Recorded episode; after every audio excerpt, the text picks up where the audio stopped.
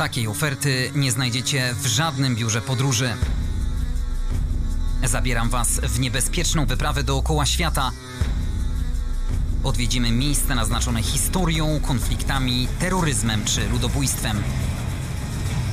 Zapraszam na podcast Jak nie zwiedzać świata. Andrzej Gliniak, dzień dobry. Czas na 68 odcinek.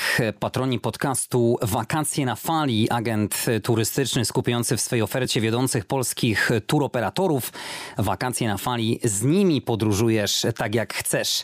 Patroni podcastu to także KANS, czyli Karkonoska Akademia Nauk Stosowanych w Jeleniej Górze, Pozbet, profesjonaliści z branży konstrukcji betonowych oraz Entrak, europejski lider wśród dostawców części do maszyn budowlanych. Łapka w górę dla kont podcastu na Spotify, YouTube mile widziana. Zapraszam też do lajkowania strony Jak nie zwiedzać świata na Facebooku. A dziś podróż sentymentalna. Kraj, od którego zaczął się podcast Jak nie zwiedzać świata. Najmłodsze państwo Europy, jeden z najbardziej zapalnych punktów na mapie Starego Kontynentu. Kosowo. Ponad dwa lata temu w pierwszym odcinku podcastu o Kosowie opowiadał Dominik Dąbrowski, który był w tym kraju na misji w jednostce specjalnej. Pozdrawiamy Dominika. Tym razem o tym niespełna dwumilionowym państwie na Bałkanach opowie doskonale wam znany i lubiany Dawid Płaczkiewicz. Witam serdecznie, cieszę się, że możemy kolejny raz porozmawiać o, ciekawym, wspaniałym i przede wszystkim zapalnym miejscu na mapie świata. Witaj w moich skromnych progach już po raz Piąty. Adwokat, agent piłkarski, pasjonat podróży, szczególnie w te nietypowe miejsca. Niedawno przy okazji meczu piłkarskiego Albania-Polska w Tiranie odwiedziłeś Kosowo. Tak, e, dwa lata wcześniej e, polska reprezentacja również grała w Tiranie mecz eliminacyjny. Wtedy miałem okazję zjechać całą Albanię. Teraz plan był od początku jeden. E, przyleciałem do Tirany w niedzielę. W niedzielę był mecz i całe następne, wszystkie następne dni spędziłem już e, w Kosowie, chcąc jak najwięcej zobaczyć, jak najwięcej ujrzeć na własne oczy, a przede wszystkim jak najwięcej poczuć, jeśli chodzi o klimat tam panujący. A że klimat jest specyficzny, to sam o tym wiesz bardzo dobrze. Dawid, mam wrażenie, że Kosowo to taki uśpiony wulkan. Niby cicho, spokojnie, ale w każdej chwili może wybuchnąć i to z ogromną siłą. Ten wulkan daje znać o sobie od kilkudziesięciu lat, tak naprawdę bardzo mocno. Musielibyśmy się wrócić w zasadzie do, do lat 80. zeszłego stulecia, e, gdzie te nacjonalizmy e, z obu stron bardzo mocno mm, zyskiwały na wartości wśród mieszkańców tego regionu. E, w zasadzie od 80 roku, czyli od śmierci e, przywódcy dawnej Jugosławii e, Josipa Broz Tito, zapanował taki klimat właśnie narodowościowy. Na, na tym budował przede wszystkim swoją pozycję na politycznej mapie Serbii Slobodan Milošević, który, który określał Kosowo jako kolebkę serbskiej kultury i państwowości, e, jako serce narodu, to dokładny cytat z niego. E, doszło do tego, że w 1989 roku na Kosowym Polu, o którym będę chciał opowiedzieć również później, bo byłem w tym miejscu i poczułem też e, ten serbski nacjonalizm i serbskie spojrzenie na, na świat. Wtedy w 1989 roku, w 600. rocznicę bitwy, o której wspomniałem, milion osób e, zgromadziło się i słuchało Miloszewicza, który mówił między innymi o ofensywie albańskiej na tych terenach, czy też o demograficznym Holokauście. E, tak naprawdę to przemówienie i temat Kosowa stał się przyczynkiem do tego, że Miloszewicz władzę e, w Serbii zdobył i zdeterminowało to kolejne lata, trudne lata na tym terenie. Kosowo to takie oczko w głowie wszystkich Serbów. Będziemy czekać nawet 100 lat, kiedy tylko Amerykanie się wycofają. Z pomocą naszych braci z Rosji ponownie przyłączymy Kosowo do Serbii. No to właśnie może to jest dobry moment, żebym wspomniał o tej wizycie na Kosowym Polu. Jest to miejsce pod e, stolicą Kosowa, pod Prysztiną, e, kilkanaście kilometrów e, na północ od tego miejsca, od tego miasta znajduje się takie miejsce pamięci o tej średniowiecznej bitwie z 1389 roku pomiędzy wojskami mm, serbskimi, słowiańskimi, bo walczyli też po, po tej stronie również Polacy, a os, osmańską, osmańskimi hordami, Turkami, którzy wędrowali na tereny europejskie. I tam, chcąc zobaczyć to miejsce, przyjechaliśmy, było pusto w zasadzie. Jeden, dwa samochody przyjechały właśnie na, e, w to miejsce. Okazało się, że to są Serbowie, którzy chcą odwiedzić to miejsce, regularnie tam przyjeżdżają. I jeden z Serbów, mniej więcej w naszym wieku, od razu do nas podszedł, usłyszał nasz język, zapytał skąd jesteśmy, no i zaczął dokładnie opowiadać wszystko, że te tereny, pokazując ręką w każdą stronę, to są tereny serbskie, że tak naprawdę i Tirana to jest teren, który, miasto, które mm, powinno być w Serbii nie tylko Pristina, e, zaczął mówić e, całą jakby swoją ideologię, jeśli chodzi o, o obecną politykę, twierdząc, że Unia Europejska to jest przeżytek, że powinniśmy stworzyć Unię Słowiańską w której powinna być oczywiście Polska również, że to jest ta niebieska krew, którą my mamy i która, która powinna nas prowadzić, także po, pod kątem politycznym i, i pewnych sojuszy. Dodał, że oczywiście powinna być tym również Rosja, wiedząc, że jesteśmy z Polski, zreflektował się szybko i powiedział, że no oczywiście teraz jest jak jest i nie jest to dobry moment, żeby, e, żeby kogokolwiek na to namawiać, natomiast e, to jest właśnie wielka polityka i, i docelowo to są też nasi bracia Słowianie. No, oczywiście musiałem go zapytać, czy tak samo myśli o Chorwatach jako Serb, e, ale po lekkim zawahaniu stwierdził, że tak, że to są te same klimaty, co, co może między Polską a Rosją, ale docelowo na pewno nam wszystkim jest bliżej e, do siebie niż, niż do zachodu Europy. Więc taki krótki wykład dostaliśmy od razu od pierwszego napotkanego Serba w tym kluczowym, bardzo ważnym miejscu dla, dla Serbów. Ale to jest taki swego rodzaju paradoks, bo Serbowie bardzo lubią Polaków, są do nas bardzo przyjacielsko nastawieni, mimo że Polska uznała niepodległość Kosowa, rząd Donalda Tuska. No, powiem Ci jedną historię e, o piłkarzu Śląska, którego bardzo dobrze znasz, lubisz, szanujesz i, i ja też miałem z, przez dłuższy czas z nim świetny kontakt. Chodzi mi o Wuka Sotirowicza, który przez, przez lata grał w Śląsku Wrocław, był bardzo lubianą postacią. E, mam wiele pozytywnych wspomnień związanych z jego pobytem we Wrocławiu, e, z różnych meczów, wywiadów, rozmów, spotkań. Natomiast w pewnym momencie, gdzieś po mojej wizycie też na, na, na Bałkanach, e, przy okazji któregoś z wyroków e, Trybunału w Hadze, mm, na swoim Facebooku wrzuciłem e, post informujący o tym, że taki, do takiego wyroku doszło. Chodziło, chodziło też o taki szpital, o miejscowość Owczara, gdzie, gdzie zabito no, kilkuset, nie pamiętam ilu dokładnie, ludzi, którzy właśnie z tego byli pacjentami tego szpitala, zostali wywiezieni, zamordowani. E, przypomniałem tę historię, na co Wóg zareagował od razu na Facebooku, e, no tak pretensjonalnie, że, że pisze tylko o Serbach, a Chorwaci robili to samo, dał swój wy, wywód na ten temat. No i sunął mnie ze znajomych na Facebooku. Także ta serbska krew i to, to, to, podejście do, mm, do tematów e, wojny na Bałkanach jest, myślę, cały czas żywe w Serbach. Oni, oni na tym się wychowali, to pokolenie, które jest powiedzmy w naszym wieku. E, oni bardzo dokładnie, doskonale pamiętają te czasy, byli nastolatkami e, w czasie wojny. Pewnie też wielu z nich uczestniczyło w działaniach wojennych, także no myślę, że to, co się wydarzyło w latach 90., bardzo mocno determinuje spojrzenie Serbów na, na świat, na Rosję, na Stany Zjednoczone, więc e, też musimy brać jakąś poprawkę na to, jak my oceniamy świat, jak my patrzymy na, na nasze sojusze.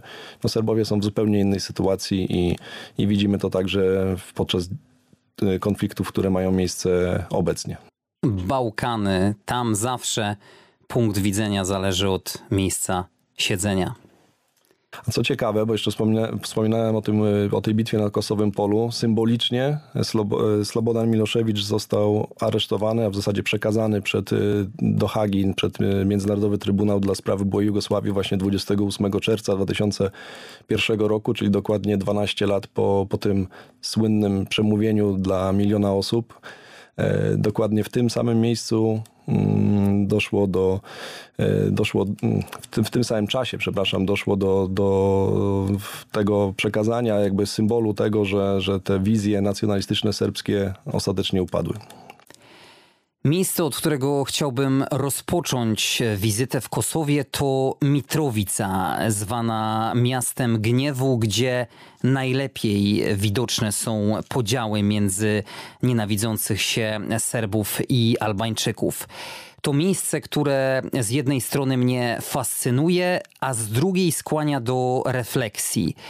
To prawdopodobnie jedno z najbardziej ponurych i nieszczęśliwych miast Europy, o które tak naprawdę nikt nie dba.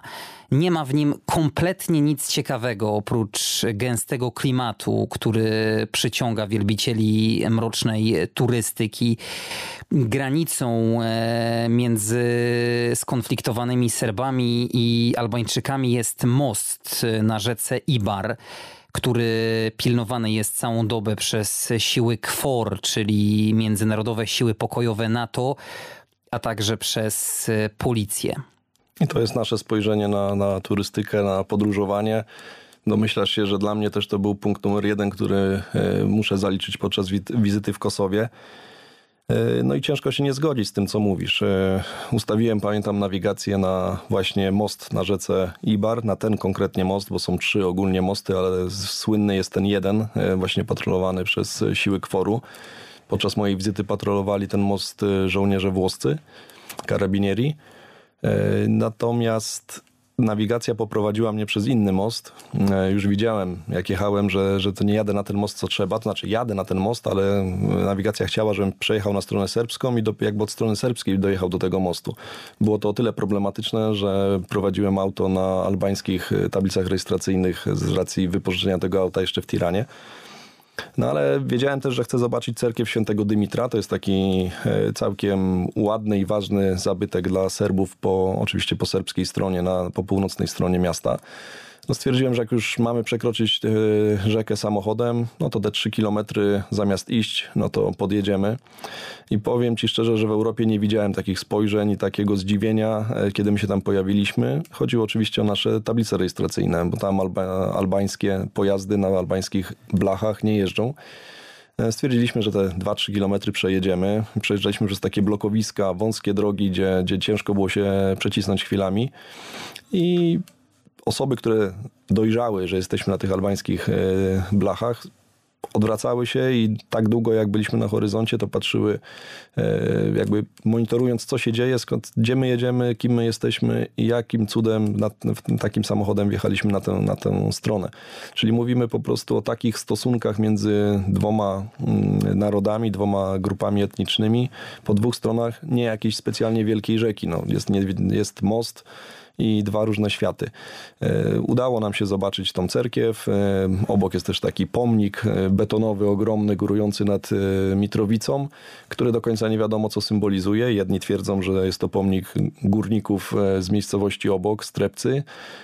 Inni twierdzą, że to jest pomnik poświęcony żołnierzom sowieckim, komunistycznym II wojny światowej. Zjechaliśmy z powrotem e, na stronę albańską. Tu czuliśmy, czuliśmy się już z naszym autem e, bardziej swobodnie. Podjechaliśmy pod most, e, przeszliśmy przez niego, widzieliśmy, że niektórzy ludzie chodzą w jedną, w drugą stronę, czy i Albańczycy, i Serbowie, więc też nie jest tak, że od razu przejście Albańczyka na stronę serbską to już jest wyrok. Natomiast ten ciężki klimat widać nawet po pomnikach, które stoją po dwóch stronach mostu. Po stronie serbskiej jest wielki obelisk, na którym są wymienieni, z imienia i nazwiska ludzie, mieszkańcy Serbowie, którzy zginęli w walkach z Albańczykami. Po stronie albańskich tych pomników y, narodowościowych jest też bardzo dużo. Po stronie serbskiej od razu y, morze flag, tylko się przychodzi na tę stronę, widać, że tutaj jest duża chęć podkreślenia tego, że to są tereny serbskie. Chłopcy grali w piłkę na takim długim deptaku, trochę na chwilkę do nich dołączyliśmy. E, obok mnóstwo osób właśnie narodowości serbskiej e, i balkony, bloki i ulice dekorowane tymi serbskimi flagami bez dwóch zdań, będąc tam, czujesz, że, że to jest tak napięta atmosfera, że jeden głupi ruch, jedno głupie zachowanie z jednej lub drugiej strony powoduje, że osób gotowych do tego, żeby ginąć na tym moście, walczyć e, za wszelką cenę, znalazłoby się multum. Niewielka iskra może doprowadzić do potężnej eksplozji. Moim zdaniem ta strona serbska mm, przytłacza takim pesymizmem, nacjonalizmem, tą komunistyczną zabudową. Tak jak mówiłeś, wszędzie powiewają e, serbskie flagi, w oczy rzucają się te liczne graffiti gloryfikujące serbskich bohaterów, podkreślające przede wszystkim słowiańskie braterstwo krwi między Serbią i Rosją, symbole Z. Yy, najpopularniejsze hasła uśmiechają się do przechodniów z tych odrapanych domów. Widać bardzo mocno e, to poparcie dla Rosji. Zresztą zdecydowanie większość e, Serbów, młodych przede wszystkim, e, jak mantrę powtarza, że Rosja i Putin to ich przyjaciele, nienawidzą Amerykanów, a Albańczycy to największe zło. Tak, i to jest wszystko też ta wielka polityka, o której mówimy bardzo często rok 99, kiedy NATO, Stany Zjednoczone zdecydowały o bombardowaniu e, Serbii, serbskich miast, e, spowodowały tą ogromną niechęć, zadrę, która jest w Serbach do dzisiaj. Oczywiście automatycznie mm, patrząc na biało-czarno, mm, potencjalnym przyjacielem, a przy okazji o tym, co mówisz, mm, bratem krwi jest, jest Rosja. I zgadzam się z Tobą, że te dwie części miasta, serbska i albańska, kosowska e, stricte, wyglądają inaczej. E, po stronie kosowskiej, jeżeli się przejdzie trochę dalej od e, tego mostu, w, w, przejdzie się do centrum miejscowości, widać wiele restauracji, kawiarni. Życie toczy się, można powiedzieć, całkiem normalnie. E, jest ten punkt zapalny w postaci, w postaci mostu tego przejścia, natomiast też widać po stronie mm, południowej, po stronie albańskiej, że ludzie chcieliby żyć normalnie, że chcieliby, żeby to co zadziało się, czyli to ogłoszenie niepodległości Kosowa, życie w swoim kraju, e, żeby to funkcjonowało normalnie, natomiast no, są gotowi też do tego, żeby zbrojnie ewentualnie o to walczyć. Zresztą no, wiemy o tym, że tam co chwilę coś się dzieje. Tak? Na, my byliśmy w, przy okazji meczu Albania-Polska, dwa czy trzy tygodnie później, może miesiąc, y, doszło do kolejnych starć. Tam kosowska policja mm, y, dotarła do E, wsi Bańska obok Mitrowicy, bardzo blisko, kilka kilometrów, gdzie był potężny arsenał e, broni z, e, przez, przez serbskich mm, bojowników, tak to chyba trzeba nazwać. Oszacowano, że wartość zajętego mienia w postaci broni no to jest, jest mniej więcej 5 milionów dolarów, 5 milionów euro chyba warta, warta ta broń, więc no, potężny arsenał.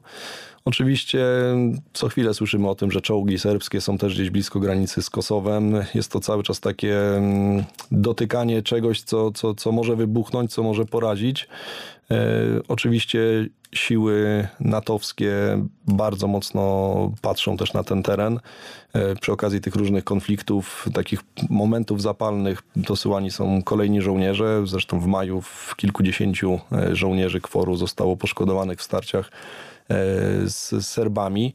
E, w odpowiedzi na to 700 chyba, e, jak się nie mylę, kolejnych żołnierzy mm, wzmocniło siły kworu w Kosowie, a więc pokazuje to, że sytuacja jest niestabilna tak naprawdę, bo, bo, bo powiedzmy od jakiegoś czasu nie wydarzyło się nic tak okrutnego i strasznego, jak działo się to w latach 90. czy na początku XXI wieku, bo też warto wspomnieć o tym, że E, tam pogromy były na porządku dziennym e, i to z obu stron. E, w 1999 roku doszło do pogromu Albańczyków w, w jednej z wsi, natomiast w 2004 roku na światło dzienne wyszło, wyszedł pogrom Serbów, nazwany przez historyków pogromami marcowymi, także no to działa w dwie strony tak naprawdę. No i Mitrowica jest takim papierkiem lakmusowym tego, tego o czym mówimy w 2004 roku po śmierci dwóch albańskich chłopców na skutek plotki o tym, że utopili ich Serbowie. W mieście wybuchły zamieszki na tle etnicznym. Po tym incydencie w wyniku eskalacji konfliktu w Kosowie zginęło kilkudziesięciu Serbów, a ponad dwa tysiące zostało przepędzonych ze swoich domów. Spalono lub zdewastowano wiele cerkwi, a cztery lata później po jednostronnym ogłoszeniu przez Kosowo niepodległości też e, doszło do największych w całym Kosowie zamieszek właśnie w Mitrowicy. Zginął wtedy ukraiński milicjant, ranni zostali policjanci, żołnierze sił e, pokojowych. No, ja byłem e, w Kosowie pierwszy raz w 2006 roku, czyli gdzieś pomiędzy, właśnie w tym okresie, o którym mówisz, między tymi wydarzeniami takimi najbardziej krwawymi. Podróżowałem wtedy samochodem po, po całej byłej Jugosławii, można powiedzieć. No i też chciałbym opowiedzieć jedną historię, która była ciekawa i pokazywała cały obraz tego, mm, jaki jest klimat wokół Kosowa. Nie będąc pewnym tego, jak to wygląda, to też y, jeszcze internet w tym momencie nie mówił aż tak dużo o, o sytuacji w Kosowie, jak, jak dzisiaj możemy to przeczytać. Jest wielu specjalistów, którzy, którzy znają się na rzeczy i wystarczy ich śledzić, czytać, żeby, żeby wiedzieć e, dużo na temat sytuacji w Kosowie. Wtedy było inaczej. E, będąc w Belgradzie, poszedłem do polskiej ambasady zapytać o, e, o to, jak oni widzą podróż przez Kosowo. No i napotkałem tam taką panią, którą, która no, taką formułkę tylko wypowiedziała, że konsul zdecydowanie odradza podróż prze, przez terytori do, na terytorium Kosowa ze względu na napiętą sytuację, iskrę, która może w każdej chwili wybuchnąć. No to samo, co przeczytałem gdzieś w jakimś oficjalnym komunikacie. Zapytałem więc grzecznie, czy podróżując do Macedonii powinienem w takim razie wybrać drogę przez Wrannie, przez Nisz. No pani powiedziała, że w tym momencie nie ma mapy, więc tak do końca nie wie, więc uznałem, że jej wiedza na ten temat jest niewielka. Wróciłem do samochodu, gdzie, gdzie moi współtowarzysze zapytali, czy, co robimy i jakie decyzje. Ja mówię, jedziemy do Kosowa. No i jadąc tamtą stronę, e, poprosiłem mojego brata, który był ze mną, żeby, żeby przeczytał trochę w przewodniku jeszcze na, na temat tego, gdzie jedziemy. No i on czyta, że w no jeżeli ktoś jest bardzo zdesperowany i chce jednak e, pojechać e, do Kosowa, to żeby unikać wewnętrznych przejść serbsko-kosowskich, w szczególności Merdere. No i w tym momencie, dokładnie w tym momencie tablica drogowska z Merdere 20 km. Nie? No także zapanowała delikatna cisza, jedziemy, droga pusta, nikogo nie ma i nagle, ja jechałem wtedy jeszcze Golfem trójką, mija mnie świetne Audi, wielokrotnie droższe, lepsze auto niż, niż moje. No i po wyprzedzeniu mnie hamuje, blokując mi przejazd. No, jedzie tak wolno, że ja go próbuję wyprzedzić, to on mi bloku, zjeżdża, blokuje mi całą drogę. No, sytuacja dość dziwna.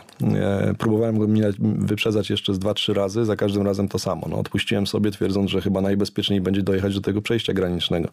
Tak też się stało, dojechaliśmy wyskakuje właśnie e, Albańczyk, biegnie do mnie od razu do samochodu i mówi, przepraszam, że cię tam wystraszyłem, że cię blokowałem, ale e, moja dziewczyna jest Polką i chciała was poznać. Także były emocje, okazało się, że to czysto mm, e, towarzyskie spotkanie miało być.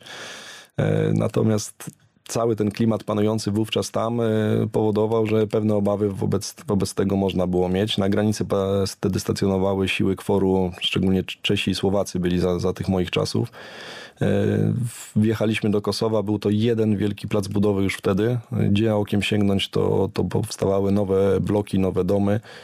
Spędziłem tam wtedy tylko jeden dzień, e, stąd też bardzo duża potrzeba, żeby, żeby przyjechać teraz i, i odwiedzić przede wszystkim właśnie Mitrowicę, której wtedy, wtedy nie widziałem. A w Mitrowicy, o czym jeszcze nie wspomnieliśmy, e, Serbowie na tyle protestują przeciwko temu, co, gdzie są i kto nimi rządzi, że chociażby e, bardzo e, głośno było ostatnimi laty o, o problemie tablic właśnie rejestracyjnych, gdzie Serbowie nie chcą jeździć na kosowskich e, tablicach rejestracyjnych i, i wszyscy jak jeden zaklejają e, symbole Kosowa, czyli i za, zarówno litery symbolizujące, że to jest Kosowo, jak i, jak i godło, które jest na rejestracjach Kosowa też jest zaklejone taśmami ich wszystkie auta po północnej stronie Mitrowicy jeżdżą właśnie na takich tablicach rejestracyjnych.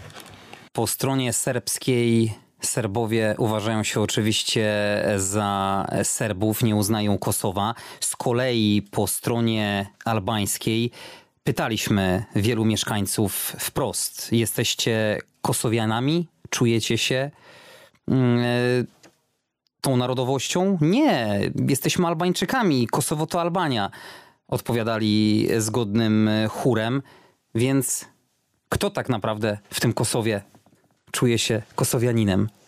Myślę, że to jest bardziej takie poczucie ewentualnie, jakby u nas ktoś się czuł Ślązakiem albo, nie wiem, Dolnoślązakiem, tak? Po prostu bardziej regionalnie, aczkolwiek cały czas jest to Albania. Y, bardzo fajnie to, o czym rozmawiamy, pokazał mi właśnie mecz y, w Tiranie, gdzie siedzieliśmy podobnie jak dwa lata wcześniej na sektorze albańskim. No, patrząc na gorące głowy i atmosferę, która panuje na tym stadionie, można pomyśleć, że to dość ryzykowne, natomiast atmosfera mimo wszystko była bardzo fajna i wiele osób wokół nas wiedziało, że jesteśmy Polakami. Miałem okazję z współtowarzyszem oglądania tego meczu Albańczykiem, którego poznałem na stadionie, e, rozmawiać o tym e, i spotkaniu, i o tym, co dzieje się na trybunach. I to było bardzo ciekawe, bo e, tam rzeczywiście te churalne śpiewy, które, które są przez cały mecz, jak się dowiedziałem, to większość z nich dotyczy Kosowa. I są to pieśni wojskowe, patriotyczne, e, dotyczące też e, wyzwoleńczej armii Kosowa. Więc tak naprawdę podczas meczu, na, meczu reprezentacji Albanii e, myślę, że połowa pieśni dotyczy, dotyczy Kosowa. To pokazuje też, no, że po prostu dla Albańczyków Kosowo jest częścią Albanii, można powiedzieć tylko regionem, regionem Albanii. Serbowie jak mantrę po swojej stronie powtarzają, że Serbia bez Kosowa jest jak e, człowiek bez serca. Pytaliśmy wprost, e, gdybyście teraz e, po swojej stronie zobaczyli Albańczyków, moglibyście ich pobić? Serbowie z szyderczym uśmiechem bez zmrużenia oka twierdzili, dlaczego nie? Zresztą mówią, że te bójki zdarzają się regularnie, bo tak jak też mówiliśmy, most to nie jest y, jedyne miejsce, które dzieli obie strony. Za rogiem y, mostu na rzece Ibar jest długa ulica. Tam powiewają flagi serbskie, a kilkanaście metrów dalej wiszą już y, albańskie barwy. I trzeba mieć się na baczności, bo jak mówią Serbowie, Albańczycy atakują nas w kilka albo nawet kilkanaście osób używając noży. A to samo zdanie po drugiej stronie mają oczywiście Albańczycy o Serbach. No ja, ja, mam trochę wrażenie, jakby to było rzeczywiście mm, grupy kibiców zwaśnione, które, które mieszkają obok siebie, a wiadomo, że za sobą nie przepadają i szukają zwady bardzo często. E, I tak to wygląda tam. Mam wrażenie, że też e, gro osób, które mieszkają po serbskiej stronie w Kosowie, miałoby możliwość e, powrotu do, do Serbii, tak, no, powrotu do Serbii, dla nich oni są w Serbii, natomiast do mieszkania w bardziej bezpiecznych miejscach niż, niż Mitrowica. Natomiast dla tych ludzi, którzy po stronie serbskiej mieszkają w Mitrowicy, jest to pewien e, symbol, pewne pokazanie też patriot, patriotyzmu, że jesteśmy w takim miejscu, o które walczymy każdego dnia, bo w, oni muszą tam być. Ich wyprowadzka z Mitrowicy, z Kosowa spowodowałaby jakby uznanie tego, E, co dzieje się obecnie na arenie międzynarodowej i być może ich po prostu uznanie tego, że Kosowo nie jest serbskie, a do tego nie mogą dopuścić, bo e, bo według nich zdecydowanie jest to część Serbii. To, co się teraz dzieje, jest tylko etapem przejściowym. Co ciekawe, byliśmy też podczas wizyty w Prisztinie, w stolicy Kosowa, w barze, gdzie oglądaliśmy mecz eliminacji pomiędzy Rumunią a Kosowem mecz, który został w pierwszej połowie przerwany ze względu na to, że na trybunach Rumunii wywiesili transparenty że Kosowo jest serbskie i piłkarze Kosowa zdecydowali się zejść z murawy, udać do szatni w proteście przeciwko tym, tym transparentom i ten mecz był przerwany na chyba godzinę. Atmosfera w tym barze po, w Kosowie, w Prysztynie była E, była taka, że w zasadzie ci piłkarze byli bohaterami, że zdecydowali się na taki ruch, że pokazali swój patriotyzm, więc e, obserwowanie ich reakcji e, na, na reakcje piłkarzy grających w Bukareszcie też wiele mówiła o tym, jaka jest sytuacja wśród mieszkańców Kosowa, wśród Albańczyków, jak oni do tego tematu też podchodzą, że ten sport tak naprawdę też jest, też jest polityką. Niesamowity jest y, ten kontrast dzielący dwa nienawidzące się narody w Mitrowicy. Po stronie albańskiej ludzie byli znacznie bardziej otwarci, ufni, no bo oni tam nie walczą o swoje, bo tak naprawdę swoje dostali. Zresztą my trafiliśmy na niezwykły moment bo wtedy Albańczycy intensywnie przygotowywali się do świętowania 15. rocznicy niepodległości. Te flagi Kosowa, Albanii powiewały niemal z wszystkich latarni, budynków. Y, uliczni sprzedawcy handlowali pamiątkami w barwach czerwonych albo niebiesko-żółtych. Y, dzieciaki na ulicach paradowały w odświętnych strojach w narodowych barwach. Byliśmy też w szkole podstawowej. Rozmawialiśmy z nauczycielką, która mówi po angielsku. Zapraszała nas dzień później na świętowanie e, uroczystości. Mm, wszystkie sale były odświętnie udekorowane. Na ścianach wisiały namalowane przez dzieci obrazki sławiące bohaterów UCK czyli tej armii mm, wyzwolenia Kosowa, mnóstwo albańskich, y, kosowskich y, symboli. W wielu miejscach, o tym też wspominałeś, wiszą te billboardy. Niektórzy nawet y, z tych bohaterów wojennych doczekali się pomników. Dla Albańczyków to bohaterowie, dla Serbów zwykli terroryści. Oczywiście, oczywiście, jeśli chodzi o wyzwoleńczą Armię Kosowa, jej historia jest też sama w sobie e, bardzo ciekawa, bo w zasadzie założona w 1992 roku. E, jednym z najważniejszych albo najważniejszą postacią był Hashim Taci, który odpowiadał za zaopatrzenie, uzbrojenie, szkolenie e, jednostek tej wyzwoleńczej armii. A ten sam człowiek w latach 2016-2020 był prezydentem Kosowa, a więc to dziedzictwo wyzwoleńczej Armii Kosowa jest jest widoczne i odczuwalne, odczuwalne do dzisiaj. Historia tej organizacji uznawanej za terrorystyczną, nie bez powodu też, bo organizowała wiele zamachów na, na, na Serbów, na, na różne budynki i użyteczności publicznej po, stronach, po stronie serbskiej, e, a oprócz tego nawet Amerykanie, którzy bardzo mocno popierali e, wyzwoleńczą armię Kosowa, finansowali ją. Też e, przedstawili w 1998 roku raport o tym, że jest ona finansowana w bardzo dużej mierze również z handlu narkotykami, głównie heroiną e, i tak naprawdę również przez e, islamskie różne organizacje, w tym Al-Kaidę Osamy Bin Ladena. Mimo tego, mimo tych oskarżeń, a w zasadzie wiedzy Amerykanów, że tak się dzieje, dalej NATO oraz USA pompowały pieniądze i wsparcie w właśnie wyzwoleńczą armię Kosowa. Tym samym e, to podejście Serbów do Amerykanów, e, no, to jest kolejny dowód na to, że Amerykanie potrafili przymknąć oczy na, na rzeczy bardzo wątpliwe moralnie kosztem tego, żeby e, żeby właśnie wyzwoleńcza armia Kosowa mocno punktowała Serbów. Kończąc już wątek Mitrowicy, dodajmy jeszcze, że to miasto liczy około 100 tysięcy mieszkańców. 90% to Albańczycy, zaledwie 10% to Serbowie.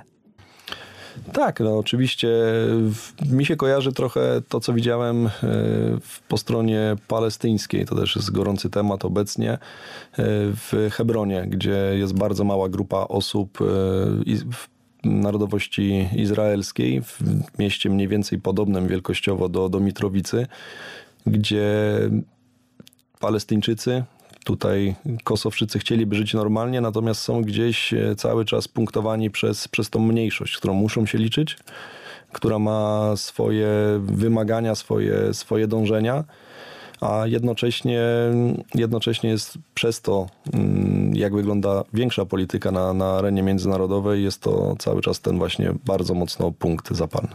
O ile Mitrowica idealnie odzwierciedla podział między nienawidzących się Serbów i Albańczyków, o tyle stolica Kosowa, czyli Prisztina, nie do końca pasuje do tego wrogiego klimatu. Nowoczesne budynki, drogie samochody, huczne imprezy.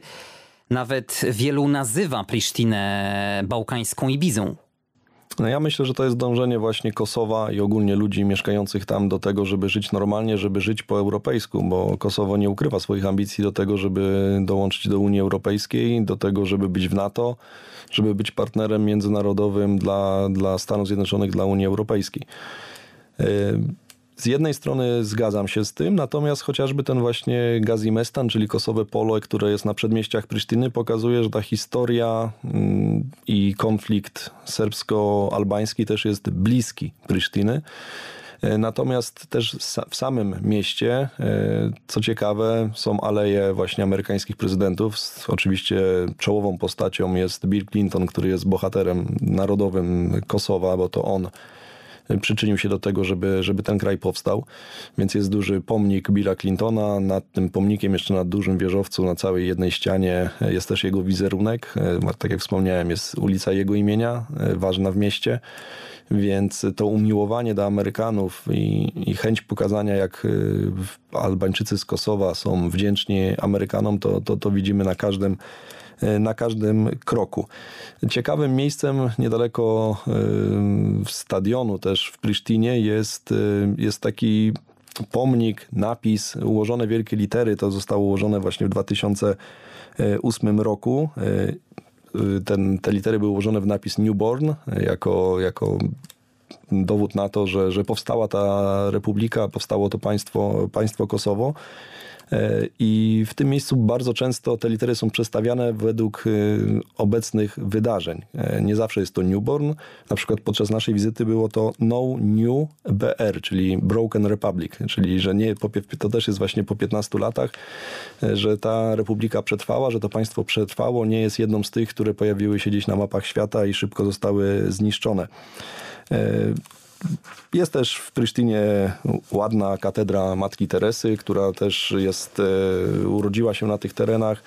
E, jest osobą e, cały czas rozpoznawalną i lubianą, więc jest co zobaczyć w Prysztynie, natomiast jest to też mieszanka rzeczywiście takich nowoczesnych budynków z, z takimi też komunistycznymi klockami. Natomiast jeżeli jest się już w centrum tej stolicy, to wieczorem szczególnie, to widać jak ci ludzie chcieliby żyć normalnie przy ładnej pogodzie, a tam ta pogoda często jest ładna. E, siedzą w restauracjach, w barach, spędzają czas wspólnie do, do późnych godzin wieczornych, nocnych i, i tak naprawdę uważam, że bardzo im zależy na tym, żeby, żeby jednak mimo wszystko żyć w spokoju, móc się rozwijać e, tak, jak to robią w tym momencie. Warto koniecznie też wspomnieć o jednym z nietypowych budynków, który, jak dla mnie, przypomina więzienie a jest to Biblioteka Narodowa. Dach e, tego budynku pokrywa takie 99 kopuł stylizowanych na kelesze. To są tak zwane tradycyjne albańskie nakrycia głowy. Ściany budynku pokrywa metalowa siatka.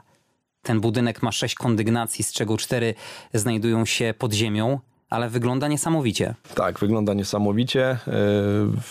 E, pierwszy mi stanął e, przed oczyma, jak mówiłem właśnie o, mm, o tych takich gmachach potężnych, trochę kojarzących się z komunizmem, bo to jest taki mm, betonowy kloc, e, stylo, stylizowany właśnie w sposób, sposób jak wspomniałeś. Góruje trochę nad, nad centrum jest na pewno oryginalny, natomiast myślę, że, że no, piękna w nim za dużo mimo wszystko nie ma. Ale na pewno są w nim te wszystkie największe zasoby historii, tradycji. Kosowa 2 miliony woluminów e, sięgają zasoby biblioteki, około 200 tysięcy tytułów e, książek. No i myślę, że warto na pewno to miejsce odwiedzić. Też można wejść do środka. Zachęcamy, oczywiście, jak najbardziej. Ja nie byłem w środku. Rozumiem, że, że ty miałeś okazję przejrzeć. Ale nie czytałem książek. To może następnym razem ja spróbuję i żeby cię przegonić, spróbuję coś przeczytać przy okazji. Byliśmy w Mitrowicy, odwiedziliśmy Prisztinę. No to teraz czas na najbardziej turystyczne miejsce w Kosowie, czyli miejscowość Prizren. Tak, bardzo ładna osmańska zabudowa.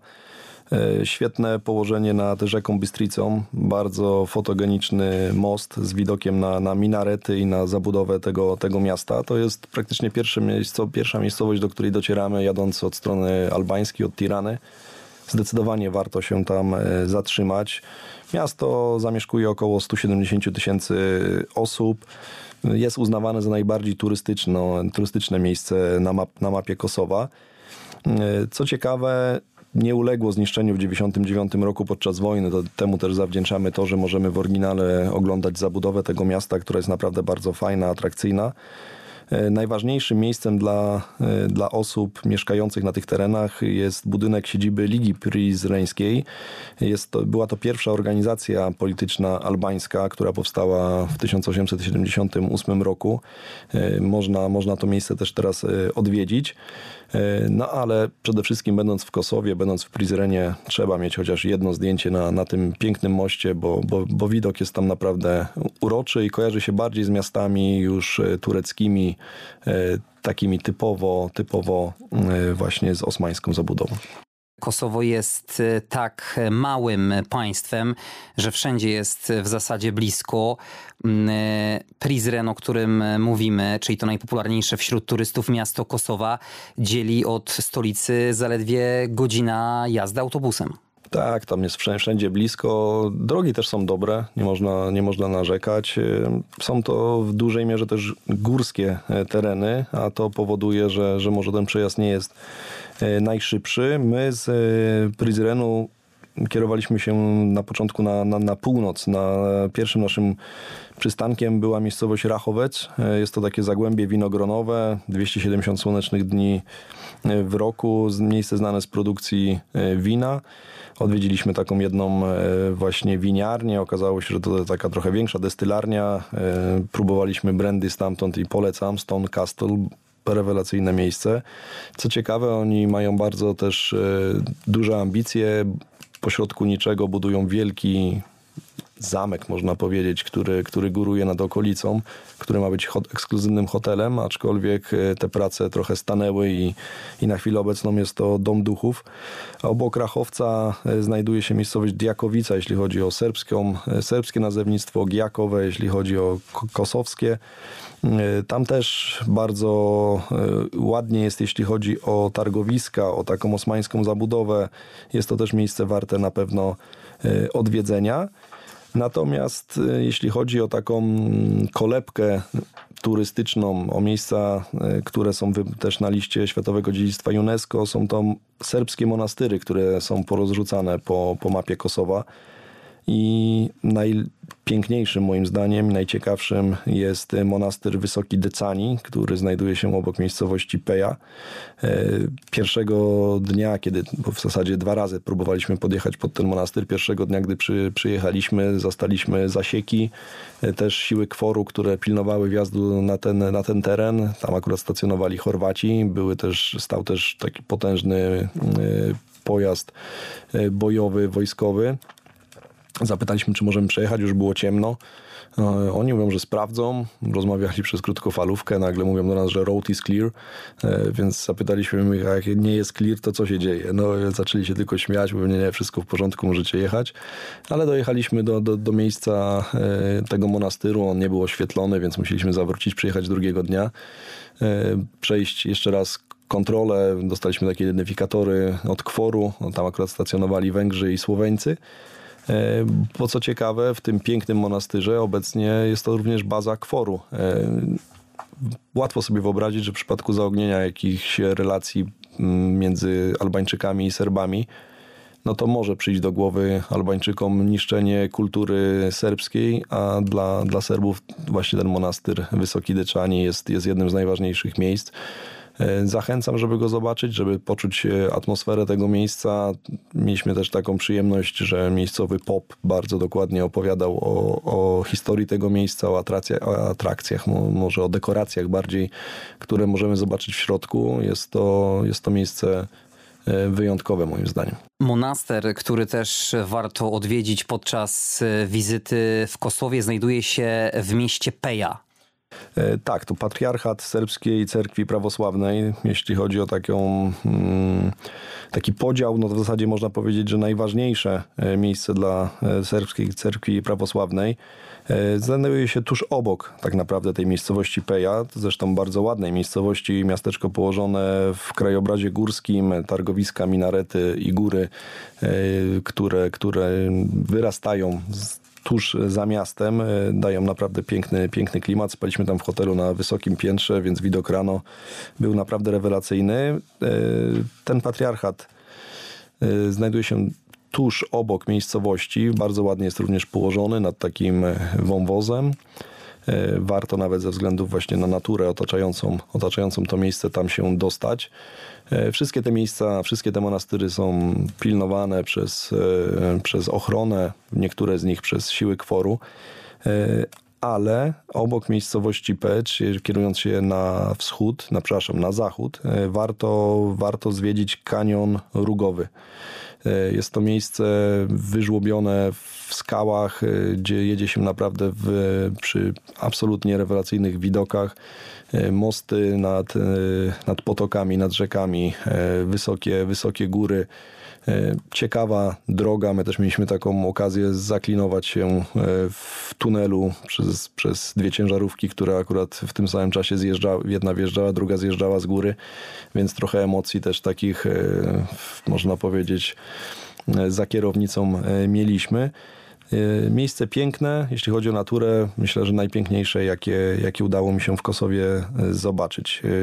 Y, imienia Rugowy, czyli Ibrahima Rugowy, który jest również zapisany bardzo mm, dużymi, głośnymi, złotymi literami w historii, w historii Kosowa i w całym kraju zobaczymy wiele pomników z jego, z jego podobizną. Podczas swojej intensywnej wizyty w Kosowie na pusty żołądek z pewnością nie mogłeś narzekać. Tym bardziej, że kuchnia bałkańska jest przepyszna. No, ta kuchnia bałkańska jest moim zdaniem rewelacyjna, a w Kosowie była po prostu świetna. Uważam, że jest to jedna, może być jedna z wizytówek Kosowa. E, oczywiście jest to raczej kuchnia męska, że tak powiem, taka bardziej tłusta, e, dużo mięsa, e, czy ta plieskawica, sewapczyci, czy, czy też sundżuk, czyli takie kiełbaski wołowe. Bardzo dobre, polecam zdecydowanie. Oczywiście do, do każdego takiego dania naturalnym jest wzięcie szopskiej sałatki, czyli, czyli po prostu świeżych, świeżych warzyw z serem, z białym serem. Myślę, że potwierdzisz to, że, że ceny są bardzo niskie. My tak naprawdę potrafiliśmy za 3 euro to najeść się tak, że, że zamawialiśmy za 7-8 euro, ale po, po tym, co zjedliśmy, połowę z tego, co zjedliśmy, to już byliśmy problem, żeby to dokończyć. Więc tak naprawdę można myśleć o świetnych ucztach za niewielkie pieniądze. E, jakość tego, tego, tych dań jest, jest po prostu e, rewelacyjna. Turystów jest mało, e, więc, więc tak naprawdę też mamy, mm, e, nie mamy dużej konkurencji, jeśli chodzi o walkę o stoliki. Zawsze ten stolik dla, dla turysty się znajdzie. E, co trzeba podkreślić, praktycznie każdy w Kosowie, albo przynajmniej młodzi ludzie w zdecydowanej większości mówią po angielsku. Ten angielski jest bardzo popularny. Myślę, że to, też to jest związane gdzieś z tym dążeniem takim do bardzo dobrych kontaktów z Europą, a przede wszystkim z Stanami Zjednoczonymi. Wiele osób też myśli, planuje podróż, e, emigrację do, do Stanów i, i, jest to język, który w zasadzie mam wrażenie, że jest językiem e, powszechnym na, na całym terytorium e, Kosowa. Rzeczywiście te ceny są bardzo przystępne mm, dla nas, również jeśli chodzi o miejsca noclegowe których też w największych miastach Kosowa absolutnie nie brakuje i mają fajny standard. Oj tak, zdecydowanie. No, przyjęliśmy taką taktykę, że jeździmy, oglądamy najwięcej ile się da danego dnia i powiedzmy około godziny 17-18 decydujemy, gdzie będziemy spać i w zasadzie no, przez booking y, za każdym razem bez problemu rezerwowaliśmy nocleg na kilkanaście czy kilkadziesiąt minut przed dojazdem y, do hotelu. Y, naprawdę ten standard był bardzo dobry, bardzo wysoki. Nie zawidliśmy się ani razu, śpiąc w zasadzie każdą noc w innym miejscu. E, wiele osób przestrzega przed wyjazdem do Kosowa ze względu na tą napiętą sytuację. Podczas moich dwóch wizyt w Kosowie w zasadzie nie spotkało mnie nic e, złego ze strony miejscowych. E, jedna przygoda, o której już mówiłem w tym pierwszym odcinku, kiedy odwiedziłem Mitrowice, idąc tym głównym deptakiem po serbskiej stronie, robiąc zdjęcia, to tych dwóch rosłych Serbów stojąc e, na balkonie zapytało mnie groźnie, dlaczego fotografuję ich flagi i skąd jestem. I kiedy tylko usłyszeli, że z Polski, to na ich twarzach pojawił się uśmiech i pozytywny już vibe w stosunku do nas. Widzę teraz oczyma wyobraźni te, te balkony, e, natomiast akurat ja tam, tak jak wspomniałem wcześniej, e, przez chwilę grałem w piłkę z dzieciakami serbskimi, e, taką no, piłką wysłużoną i niezbyt dobrze napompowaną, ale, ale sam klimat miejsca między wszystkimi ludźmi, bo ruch na tym deptaku był bardzo duży w tym momencie i gdzieś między tymi ludźmi piłkę pokopaliśmy. Tak, zdecydowanie. Ja w pełni się z tym zgadzam. Uważam wręcz, że mieszkańcy Kosowa e, są bardzo pozytywnie nastawieni do, do, do przyjezdnych, jakby szanując to, że ktoś chce tam przyjechać. E, tych turystów, tak jak wspomniałem, jest bardzo mało. Nadal jesteśmy pewną, jako turyści, pewną atrakcją w tym miejscu. Oczywiście nie przesadzajmy, nie mówię, że tam nikt nie jeździ, natomiast, e, natomiast na pewno nadal jest tak, że, że oni szanują szanują turystę. Oczywiście jest to dla nich też jakaś e, szansa na zarobek, ale, ale nie traktują turystów jako, jako chodzące skarbonki czy bankomaty, tylko, tylko właśnie chcą jak najwięcej przekazać, powiedzieć, pomóc, e, bo wiele razy spotykaliśmy się z tym, że, że ktoś dopytywał, czy gdzieś, czy w czymś może nam pomóc, gdzieś może nas tam doprowadzić, zaprowadzić, powiedzieć, doradzić, więc, więc uważam, że jeśli chodzi o kwestie bezpieczeństwa, oczywiście pamiętając o tym, że, że to jest to miejsce narażone na, na rozwój konfliktu nawet i zbrojnego. E, natomiast jeżeli e, dzisiaj wjeżdżamy do, do Kosowa, to, to wydaje mi się, że nic nam się złego nie powinno stać. To, a oczywiście wszędzie się nam może coś się stać, natomiast e, nie jest tam większe ryzyko niż, niż w innych częściach naszego kontynentu. No, warto też powiedzieć naszym słuchaczom o tym, jak dostać się do Kosowa jakimi przejściami najlepiej wjechać? No zdecydowanie najlepiej na chwilę obecną, jeśli chodzi o podróż z Polski, jest wjeżdżać od strony albańskiej, ewentualnie macedońskiej. E, są bardzo tanie loty e, do Tirany, e, są bardzo tanie loty do Prisztiny, ale z Berlina, e, więc też można spokojnie, jeżeli no, patrząc na, na Wrocław, no to, to podróż do Berlina, no, cała nasza zachodnia część kraju, wiele osób lata z Berlina, nie jest to problemem. Chyba EasyJet lata bezpośrednio jako tanie linie do, do.